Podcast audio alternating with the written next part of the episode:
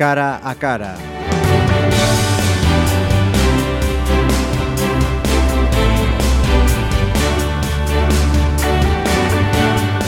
Arrancamos este cara a cara. Estaba contándome ahora nuestro invitado unas anécdotas eh, preciosas que vamos a recordar también. Estamos a puertas de la peregrina y uno de los nombres eh, que hay que mencionar en estas fechas es el de Amigos de Pontevedra y con más motivo además. Eh, él nos dirá si con emotividad seguro, pero con alegría o con más penita eh, va a dejar el, el relevo en, en, Amigos de Pontevedra. Estamos hablando de don José Luis Fernández Sieira. Muy bienvenido a estos micrófonos. Muchas gracias. Eh, un relevo en ese mm, escribir las semblanzas mm, de esas personas y empresas que cada año distinguen, que como digo, eh, esa emotividad va de la mano de un sentimiento de qué pena que esto ya lo dejo, decir, uf, ya me quito este lío de encima. Bueno, realmente influyó mucho mi, mi, mi estado físico, mi enfermedad. Yo tengo una lesión de corazón y fui a Fátima a operarme. Uh -huh. e non pudieron operarme porque tenía unha anemia tremenda. Uh -huh. e me dijeron a ti non te podemos meter en un quirófano en esta situación. Tienes que vete para Pontevedra e que te curen a anemia e logo hablamos. E en esas estamos. E eu claro, non sabía cando me iban a operar. Digo eu, no non me podo comprometer a hacer las semblanzas a Virus de Pontevedra del año 2017 porque e se me operan en agosto uh -huh. e, e entonces le dije a mis compañeros de junta E dije, mira, non contes conmigo porque non puedo, non, eh, non sei o que va a ser de mí. Uh -huh. Non sei o que va a ser de mí, estoy de médico en médico e estoy hecho temblando de miedo porque eh, me, me están atendiendo tres médicos y ya sabéis el dicho que hay por ahí en el Hospital de la Coruña. Tengo una hija que trabaja en el Hospital de la Coruña uh -huh. y está corrido por allí de que si te ve un médico te cura, si te ven dos te marean y si te ven tres te matan. y es que estoy lleno de miedo porque me están viendo tres médicos y mira tú lo que se está diciendo por ahí. Un hombre además con, con, mucha, con mucha retranca. Eh, José Luis, eh, hablamos, si le parece, para comenzar esta charla, eh, de Amigos de, de, Pontevedra. ¿Quiénes, cómo y, y, y, cuándo nació Amigos de, de Pontevedra? Mira, Amigos de Pontevedra nació en el año 1972. eh, principalmente pensando en ese, ese grupo, numerosísimo grupo de pontevedreses que trabajan fuera, pero vuelven siempre en el mes de agosto a la peregrita, uh -huh. a su casa, y a reunirse pues, con, sus, su familia, en primer lugar, sus amigos, sus compañeros de colegios, sus compañeros de institutos, sus compañeros de universidad, uh -huh. se vuelven a reunir otra vez tal. E entón se van a tomar unhas sardinas asadas a, a la racha ou al, al bar ou a la, la, la, la barra, tomar un vaso de vino con, uh -huh. con sardinas ou... E entonces resulta que Víctor Cervera Mercadillo, Francisco Otero, eh, Fernando Lamas e algún outro pontevedres máis, José Figueira, por exemplo, Antonio Hereder, pensaron, oye, e por que non esta gente en vez de reunirse unos a un lado, otros en outro, otros en outro, otros en outro, estos pontevedreses que vienen de, uh -huh. de, de fuera, en vez de ir, eh, estar espallados todos por los distintos bares con sus amigos, ¿por qué no, no los juntamos a todos en una comida uh -huh. eh, donde estemos todos? Hombre, pues parece una buena idea, ¿no? Y entonces se puso en marcha la idea en el año 1972. y se juntaron doscientos y pico de personas. Caramba. Entonces, claro, claro, encantados de la vida, porque comieron sardinas con cachelos, lo cual es una barbaridad, porque hacer sardinas con cachelos para 200 tíos, entonces, no quisiera ser yo el que tuviera el que, que, tuviera que prepararlas. y empanadas y tal. Bueno, pero ya se juramentaron de que eso lo había que repetir todo, al año siguiente. Uh -huh. Y se repitió al año siguiente. Al año siguiente fueron 250. Y después al otro, y al otro, y al otro, y al otro. Aquello iba más. Y así, así nació, y así se fue, se fue desarrollando. La idea. Fíjate, desde y, el año, y amigos de Pontevedra. año 72, hace ya uh -huh. casi 40 años. ¿Y, y amigos de, de, Pontevedra? ¿Surge también a raíz de esa idea? Sí, sí, o... sí, sí, uh -huh. sí. Amigos de Pontevedra surge ahí, uh -huh. ahí en eso. ¿cómo le llamamos a esta xuntanza? -huh. Pues amigos de Pontevedra. ¿Quién no es amigo de Pontevedra? Todos somos amigos de Pontevedra. ¿no? Se presupone que sí. Claro. Don José Luis, ¿y qué hay que hacer eh, o qué hay que hacer para um, cualquiera que nos esté escuchando diga, oye, pues yo también quiero sumarme? Bueno, en primer lugar, eh, esto no es ninguna organización, ningún grupo político. Una asociación, eh, ni... Es una asociación de pontevedreses, uh -huh. amigos de Pontevedra, que se reúnen la víspera de la peregrina para, para juntarse con, los, con aquellos otros pontevedreses de fuera que vienen que... todos los años uh -huh. en el mes de agosto. Uh -huh. Y entonces se juntan los pontevedreses de aquí y los pontevedreses ausentes, que se llamaban. Hubo una, un año en donde se dieron premios a los pontevedreses ausentes y otro premio a los pontevedreses presentes. Anda. No se daban premios así. Y un premio a los pontevedreses ausentes. Pontevedreses, Bueno, Pedreres ausentes habría muchos premiables, uh -huh. de hecho se premió mucha gente. Uh -huh. Porque, y además, sobre, sobre todo, mm, los pontevedreses descubrimos que hay gente de Pontevedra por el mundo adelante, eh, por, ahí por, el mundo ir, adelante, de una gran valía. Uh -huh. Yo, por ejemplo, llevé una, una, de las muchas sorpresas que tengo llevado, porque claro, yo tengo que enterarme del, de lo que hace la gente, que, uh -huh. que es premiada, ¿no? Sí, sí. Y, por ejemplo, el médico Fernando de Cabo, médico pontevedrés, que es jefe de cirugía infantil del Hospital La Paz de Madrid, -huh fue el primer cirujano que hizo un trasplante de corazón a un niño recién nacido. Caramba. Un niño recién nacido que había nacido en la maternidad de La Paz uh -huh. Y tenía un problema cardíaco que le estaba condenado a muerte. Ese niño viviría quizás semanas, uh -huh. nada más. Y entonces coincidió de que hubo un accidente en la carretera de Madrid a Burgos de un matrimonio con un recién nacido y entonces la familia accedió a que el niño Uh -huh. El niño muerto también, el niño había muerto. El niño le extrajeran el corazón para implantárselo a este niño. Uh -huh. y, y eso lo hizo un, un cirujano el doctor Fernando de Cabo. Uh -huh. E historias Fernando como estas Cabo, en diferentes ámbitos. Fue muy emocionante porque intentamos que le viniera a imponer la insignia el mismo niño. Ay, Dios mío. Pero no fuimos capaces de conseguirlo uh -huh. porque eh, los padres estaban de vacaciones en el extranjero. Uh -huh. Pero se lo puso otro niño, un niño pontevedrés. Uh -huh. Un niño pontevedrés. Fíjese, ¿y, y, y cómo, cómo, hacen todas esas gestiones? Me decía ahora, intentamos que aquel, aquel premio se lo diera ese, ese niño al que, salvó, al que salvó la vida. Eso significa mucho trabajo por, por detrás. ¿Cómo hacen?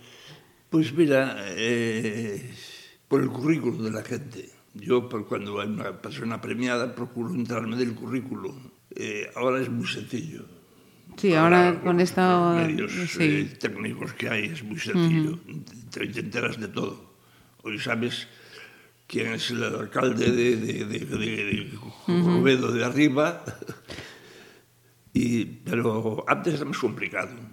Antes era más complicado. Había que hablar con la familia, enterarse quién conoce a él, a ver quién sabe quién, quién conoce a fulano. Quién... Pues yo uh -huh. conozco un primo que está pues ahí hablar con el primo. Ajá. a ver qué nos dice el primo y que nos cuente alguna anécdota y, y así. Uh -huh. Claro, porque habrá quien diga, fíjate, bueno, pues están ahí un día y hacen el premio, pero fijaros sí, lo ya, que nos está contando ves, todo el trabajo yo, que lleva a conseguir esto. Yo procuré siempre, claro, eh, procuré siempre oír, del, de oír de lo que es el, el currículum. ¿Viste? El currículum, los currículums sí. suelen ser una lata. el currículum Eh, eh, nació tal día, eh, tal día, estudió en tal sitio, y en los sitios le dieron el premio de tal, la, tiene la condecoración de la cruz de los que, la cruz de los Valdas, la medalla de los que. La, eso es la gente esa, se, se, me, se me duerme la gente si voy con esas historias. Tengo que añadirle algo gracioso, alguna anécdota, alguna travesura que hizo sí. siendo pequeño y que eso es lo que te le da gracia a la cosa, ¿no? Y a Ajá. veces incluso los, los homenajeados o sea, este se tipo cómo se enteró, sí. cómo se enteró de esa travesura, ¿no? Ajá. Dice, pues dice, a fulano tal, los expulsaron del colegio por hacer pis en el tintero. y en la batalla de la tinta. Sí, sí. Y eso me pasó a mí. Pero eso es lo que tiene gracia y toda la gente se ríe, ¿no sabes? Claro. Se ríe. Esas, esas semblanzas que José Luis prepara para ese, ese día de la peregrina, este año será el, el sábado 12 de agosto, eh, las prepara él y cede el testigo a un compañero de esta profesión, Xavier a Xavier Fortes. Fortes, que va a ser el Xavier, que... Xavier, Xavier lo hará muy bien, lo hará muy bien. Sin pues. duda, vamos. Es un periodista acreditado, un gran Pontevedrés, un gran aficionado al fútbol. Un... Y que ya recibió además. Eh... El, en la Isina de Oro de Amigos de Pontevedra. Sí sí. sí sí. sí, sí, sí, Hombre, claro, con, con, con muchos merecimientos. Con muchos merecimientos.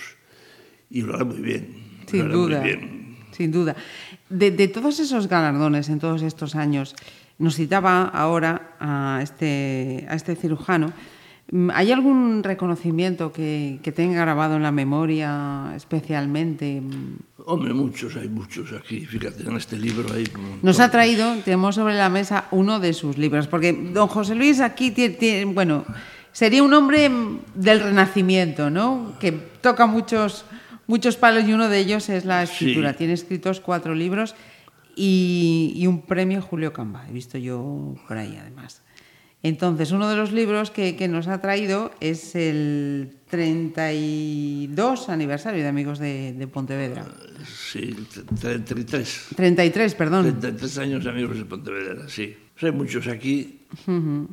Aquí hay uno que es una peña de amigos de Pontevedra de Buenos Aires. Toma. También los hemos premiado, un grupo de argentinos muy simpáticos. Carlos Velasco. Mm, Claro, infinidad, infinidad de, de nombres, lógicamente. Eh, por- César, Portela, Ana Pérez, una, serie de personas. infinidad, infinidad de nombres.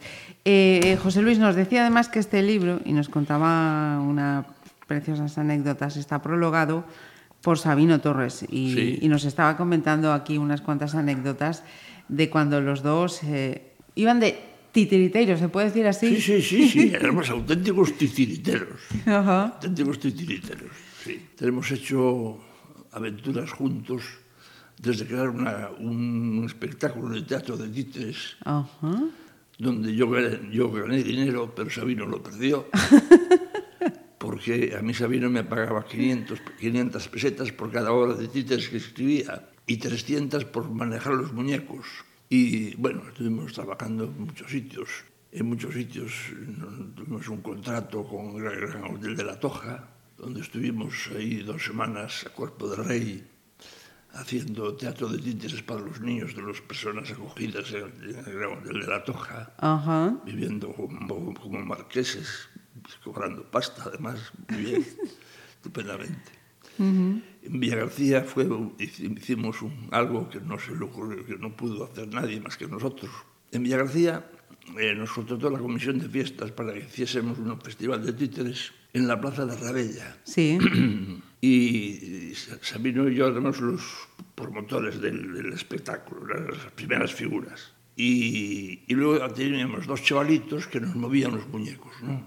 Nosotros hablábamos, pero ellos movían los muñecos. Pero que estábamos en época de exámenes y los chiquillos te- tenían que examinarse, no, no pudieron venir a Villa García con nosotros y fuimos Sabino y yo solos. Pero bueno, además muy atrevidos y no pasa nada. Llegamos allí, montamos el tinglao, colocamos los micros, los, todos los- las luces, los aparatos, todos. Pues, colocamos los muñecos con sus vestiduras colocados en su sitio y le digo yo. ¿Y las obras? ¿Cómo las obras? Sobre esta hay una carpeta ahí en, en el baúl. Aquí no hay ninguna, ninguna carpeta. Aquí están los muñecos, los decorados y no hay ninguna carpeta. Nos habíamos olvidado la carpeta. De las obras. De las obras y de que teníamos, colgamos unas pinzas de la ropa, uh -huh. colgábamos las, las obras delante y nos íbamos leyendo, moviendo el muñeco y hablando, ¿no? Y, y ahora, ¿qué hacemos? Pues estuvimos dos horas y media haciendo títeres de memoria recordando mm. lo que, lo que recordábamos de las obras, sí, sí, sí, sí. inventando lo que no se había inventado nunca, tratando de que los niños participaran en la cosa, ¿no? Y decía, ¿por dónde salió el diablo? ¿Por aquí? No, por ahí, sí, por ahí. Y fue un éxito, fíjate. Mira, y, el poder de la improvisación y, y, de, y la cabeza. Pero sudamos sudamos sí. lo que no sudamos nunca. Y, y, y, y salimos bien librados de, de- del asunto. Del asunto. Porque Tuvimos que, de, dos horas y media lleno de abuelos, de niños, de papás, la pl- plaza bueno. invadida de gente. Qué bueno. Y nosotros improvisando, improvisando. Bueno, yo, me cono- como las había escrito, yo me acordaba mucho de los diálogos. Ajá. Sabino menos. Pero yo le daba la entrada de lo que tenía que decir. Le daba el paso, ¿no? Le ponía ahí... Como decía yo, pues que puede ser un hombre perfectamente de los que se decían de, de Renacimiento, porque eh, vinculado a, a la música de esta ciudad, al teatro de esta ciudad, a- al periodismo de esta ciudad. ¿De dónde sacaba usted ese tiempo? Bueno, pues... Porque además de todo esto trabajaba, lógicamente, Sí, estudiaba. y estudiaba. Estudiaba. A mí me pasó una anécdota con don José Filgueira. José Filgueira a mí me quería mucho, era mi profesor de literatura, el que me metía en todos los líos, porque cuando, había que organizar el coro, hablaba conmigo. Cuando había que hacer una obra de teatro, hablaba conmigo. Y yo estaba metido en el grupo de teatro, cantaba en el coro, tocaba en la rondalla, dábamos de noche serenatas a las novias. Bueno, y hacíamos teatro. El día de Santo Tomás de Aquino hacíamos un teatro serio y hicimos Los Obradores de, de Cervantes. Y yo hacía un papel muy bonito, el papel de, de, de Roldán. Y me encuentro al- al- a, don José en el pasillo del instituto y me dice, oye, estuviste muy flojo en el examen del otro día de literatura, ¿eh? Te puso un 4. Sin embargo, estuviste genial representando a Cervantes.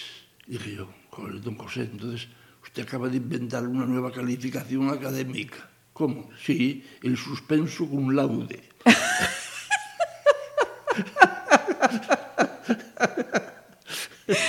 Muy bueno. y don José Se reír, tuvo que claro. asentir, lleva toda la razón del Se mundo. a reír, claro. Sí, señor, ¿eh? sí, señor. Y fíjate, nos acaba de mencionar las rondallas que promovió aquí en Pontevedra. Sí. Los coros. Los coros. El teatro, que tengo yo por aquí algún compañero teatro, que también sí, me, teatro, me, tiene sí, comentado una anécdota. Hemos hecho muchos teatros, sí. Uh -huh. En Villa García también tuvimos un desastre, que yo para que fue un desastre tremendo. Porque yo no sé si tú te hablar, te hablaron alguna vez de un personaje pontevedrés que se llamaba Xandas Canicas. Xandas Canicas, se sí. Se llamaba Francisco Calvo Guerra. Uh -huh. Era un buen actor. Uh -huh. Pero era un pavero. Y él estábamos representando la vida y el sueño de Calderón. Calderón. Ajá. Y yo hacía de rey Basilio. Y un cuñado mío hacía de, de Reinaldo. Y luego Paco Satasanis hacía de Clarín. A Clarín lo mataban, tenían que le clavar una flecha y lo mataban, ¿no? Y tenía que caer en escena. Pero él se caía despacito, echaba unha mano, echaba outra. E el director, que era Manuel Cuña Novas, uh -huh. decía, Paco, no puede ser. Tú tienes que desplomarte. Desplomarse significa caer a plomo. Bueno, xa, xa, xa farei ben o día da, o día da, o día do, do estreno, porque non pensarás, non, non querrás que me lesione nos entrenamientos. decía. E xa, para que caer a plomo. E, bueno, efectivamente, fuimos a estrenar, fuimos a Villagarcía, los vestidos con nuestros ropajes y tal. Y efectivamente, llega la escena del flechazo, Clarín cae, hizo una caída genial, cayó desplomado, cayó a plomo. Entonces yo tenía que acercarme a él y Astolfo también. Y Clarín, hermano, ¿qué te han hecho? ¿Qué te han hecho? ¿Qué te, qué te pasa tal? Y él, abre un ojo e dice Mochiño, escaralleime. Nos dio un ataque de risa a los dos y tuvimos que salir huyendo de Villa García con armas, bagaje e impedimenta, sin tiempo de, de, de cambiarnos de ropa, nos metimos en el autobús, nos perdimos una merendola que nos tenían organizada, un desastre. un desastre brother Paco se lo ocurrió decir, machiños, caralleme. Qué grande. y eso lo leí, lo leí cuando le, le pusimos la insignia, la medalla de, de oro de Bermudos de Pontevedra a Xanas Caricas. Ajá, claro, sí, sí, le sí, conté sí. esa anécdota y que nos había desgraciado la obra de teatro La vida de sueños en Villa García. Y la- la- después la fuimos a representar en el castillo de Villasobroso, Ajá. patrocinados por el noticiario Nodo y filmadas por el noticiario Nodo Toma. para toda España. Y la, la- hicimos eh, varias escenas de, de la vida de sueño en los calabozos del castillo y en las almenas y por ahí todo muy, muy bonito, muy bonito. O sea que esos, vamos, eh, ahora que se puede, como decía, ahora que se puede Muy encontrar de todo, sí. Lo encontramos. El dueño del castillo nos había preparado un pavo asado riquísimo con una pinta bárbara, pero se, los se lo comieron los de la televisión. los, los actores no nos gastamos Nada, ni, las ni los plumas. huesos. Mire, y la, la filarmónica, que sería de la filarmónica sin sí, Fernández sí, y Eira. Eso hacia filarmónica, eso sí es una cosa muy seria. Nació en el año 1921 y ya realmente había nacido ya antes, había nacido antes cuando Arthur Rubinstein. Eh, había mucha afición a la música, pero no existía la sociedad filarmónica. Pero entonces un grupo de aficionados a la música, de gente de Pontevedra, se enteraron de que Rubinstein iba a dar un concierto en La Coruña. Y dijeron, coño, Rubinstein va a tocar en La Coruña. Rubinstein era judío, estaba perseguido por los nazis. Ujú. Estamos en el año 1918. 21, creo que. digo. Ujú. 18, aún eran los escorzadores de la Primera Guerra Mundial. Y, y tenía una licencia del rey Alfonso XIII para dar conciertos en España. Entonces iba a dar un concierto en La Coruña. Entonces ese, ese grupo de pontevedreses fueron a La Coruña a oírlo y quedaron encantados. Era el mejor pianista del mundo. Y dijeron, ¿y por qué no lo traemos a Pontevedra? E iso va a costar na fortuna, sabe ellos lo que cobran de ti por tocar. E, bueno, xa lo decimos. E se lo, somos muy adavidos pontevedeses. Uh -huh. Se lo dijeron, se lo dijeron el problema e usted podía venir a Pontevedra a dar un concierto de piano e tal. E dice, sí, sí, sí, sí, ajustaron el precio e tal, uh -huh. y vieron que era posible. Lo anunciaron por todo Pontevedra, que fue un, un, un acontecimiento tremendo. Rubens te va a venir a tocar a Pontevedra e tal, bueno, una cosa tremenda. Bueno, llegó el día de- del concierto, fueron a esperar a Rubinstein a la estación, lo llevaron al hotel, luego él quería ir, ir al teatro, llega, llega al teatro, ya faltaba una hora para empezar el concierto, quería ir al teatro para ver el piano. Ah, pero en Pontevedra no había ningún piano de cola. El mejor piano que había era de las hermanas Mendoza, que te- las tenían en el Ajá. chalet de Santa María, y quedaron encantadas en ceder el piano para que Rubinstein se lo, Lo tocara, tocara. Lo tocara. Se lo llevaron con cuidadito, un- un- mozos, estos, los propietarios llevaron al teatro principal, que estaba muy cerquita, y pusieron. Y cuando Rubinstein dice, ¿y el piano? Y dice, el piano es eso. Dice, ¿qué? Esto es una broma, ¿no? Dice, dice, no, no, señor, no, no, este es el que, que es el que tenemos. Dice. Y dice, mire, desde que yo era niño y estudiaba en mi casa, no volví a tocar nunca en un piano vertical. Nunca. Yo solo toco en pianos de concierto, pero no había. Bueno, y él quiso decir, bueno, esto, fue, esto es una, una broma de mal gusto, me, voy, me vuelvo al hotel, pero vuelvo al hotel, pero entonces do- dos se pusieron en la puerta, uno Emilio Quiroga, que era muy ancho, se la y no lo dejó pasar y empezaron a discutir. Uno que se quería marchar, el otro que no. El, el, el, a los organizadores les llamaba de todo, que lo habían engañado, que lo habían engañado, que esto no es serio, que esto no se puede hacer y tal. Pero bueno, y uno de, uno de ellos, Javier Pintos, que era un, muy aficionado a la música, fue el primer secretario de la Filarmónica, le dijo, pero mire maestro, mire, si esto no es un concierto, esto es un grupo de amigos amigos que le queremos oír. Uh -huh. Pero aquí non va a haber periodistas, ni críticos musicales, ni nada de nada, no hay ni periódicos, ni prensa, ni nada, ni nada. Es un grupo de, de amiguetes, en familia, tal. Y tipo que no, y que no, que se quería marchar, que se quería marchar. Entonces, un músico ciego, Antonio Tabuada Nieto, uh -huh. un músico ciego, padre de una serie de músicos pontevedreses, se sienta en el piano y se pone a tocar una pieza de César Frank, una sonata de César Frank. Entonces Rubinstein ve que el piano está bien afinadito y que suena muy bien. Entonces accede a dar el concierto y se dio el concierto. Y en las memorias de Rubinstein se puede leer que dice, la única vez que di un concierto en un teatro, en un piano vertical, fue en una pequeña ciudad española llamada Pontevedra, donde hai gente encantadora e sumamente persuasiva. sí, sí. Eso figura en las memorias de Arthur Rubinstein, el Anda. gran pianista polaco, uh -huh. especialista en Chopin, su paisano, claro. Uh -huh. Pero ¿cuánto sabe este hombre, Dios mío? Bueno, pues eso, esa, esa, esa anécdota dio lugar a que se pensara en que los aficionados a la música pagasen una cuota uh -huh y se pudieran traer músicos de fuera a Ajá. dar conciertos a Pontevedra. Sí. Y entonces ya se juntaron, me parece que 150 o 180 personas, personas pagando una cuenta pequeña, que pagaban 5 pesetas los de butaca y 3 pesetas los de general. Uh -huh. Y entonces con ese dinero se juntaba y entonces podían traer a algún pianista de fuera, un violinista, una pequeña orquesta, un trío, uh -huh. un cuarteto.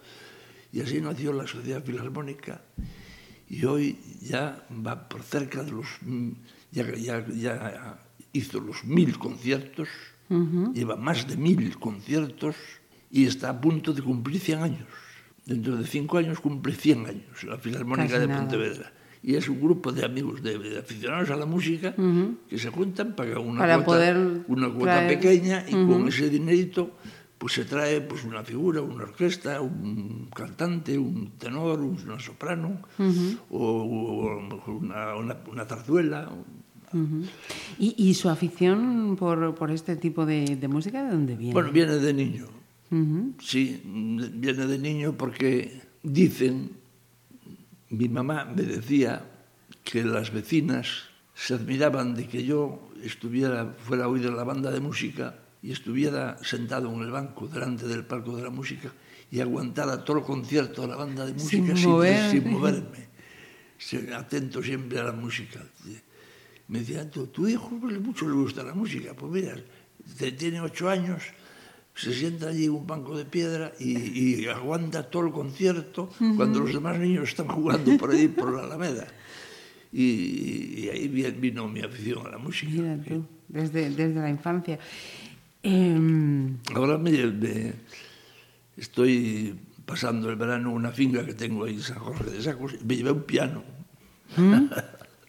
Se lo pedí a un, a un, a un nieto que estudia piano. Sí, dije, sí. Eh, Javi, préstame el piano.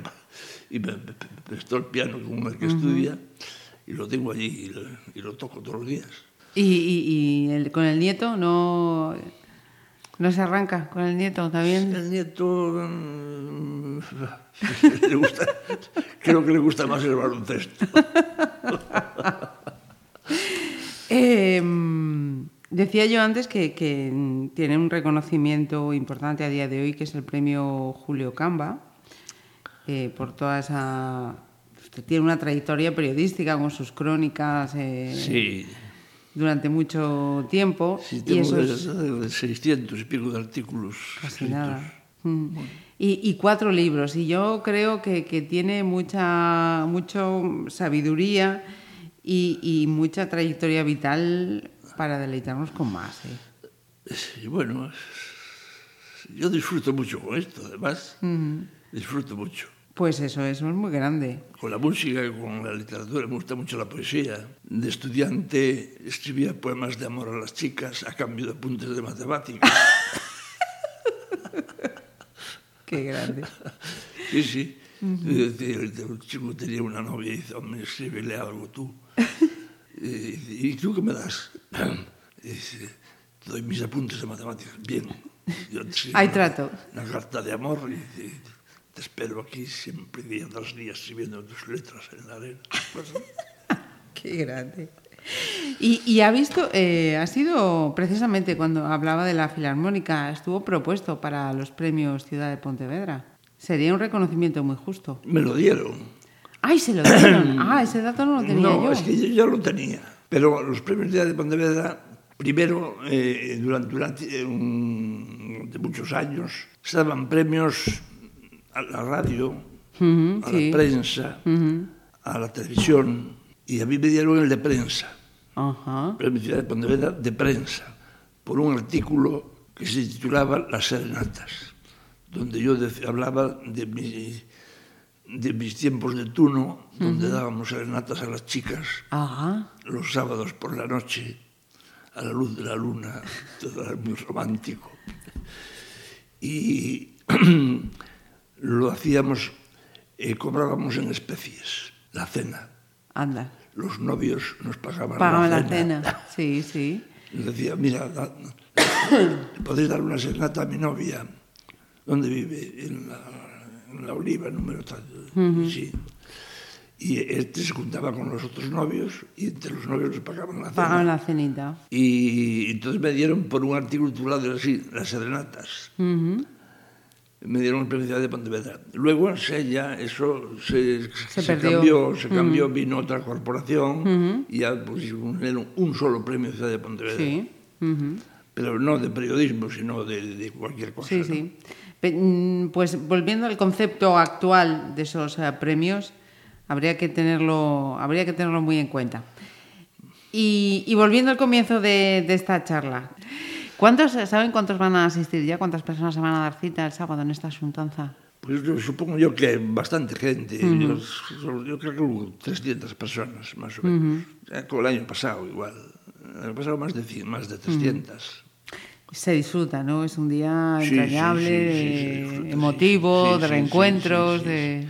Sí, hay, hay eh, vamos, os somos directivos de Amigos de Pontevedra sabemos que hai 150 personas que son fijas, uh -huh. esos van siempre. Y luego los otros 150 son amigos y parientes de los premiados. Uh -huh. los, los premiados que llevan a 20 personas, hay premiados que llevan a dos. Uh -huh. y, y, y bueno, es, es así, suele ser así siempre, uh -huh. rondando los 300, las 300 personas. Pues José Luis, que disfruten mucho de esa juntanza anual de Amigos de Pontevedra. Sí. Que disfrute también de las peregrinas, que los del quirófano esperen un poquito, le dejen disfrutar de, sí, sí, de esta semana grande y que ha sido un placer charlar con usted. Y a mí, un placer compartido, placer compartido por mí también.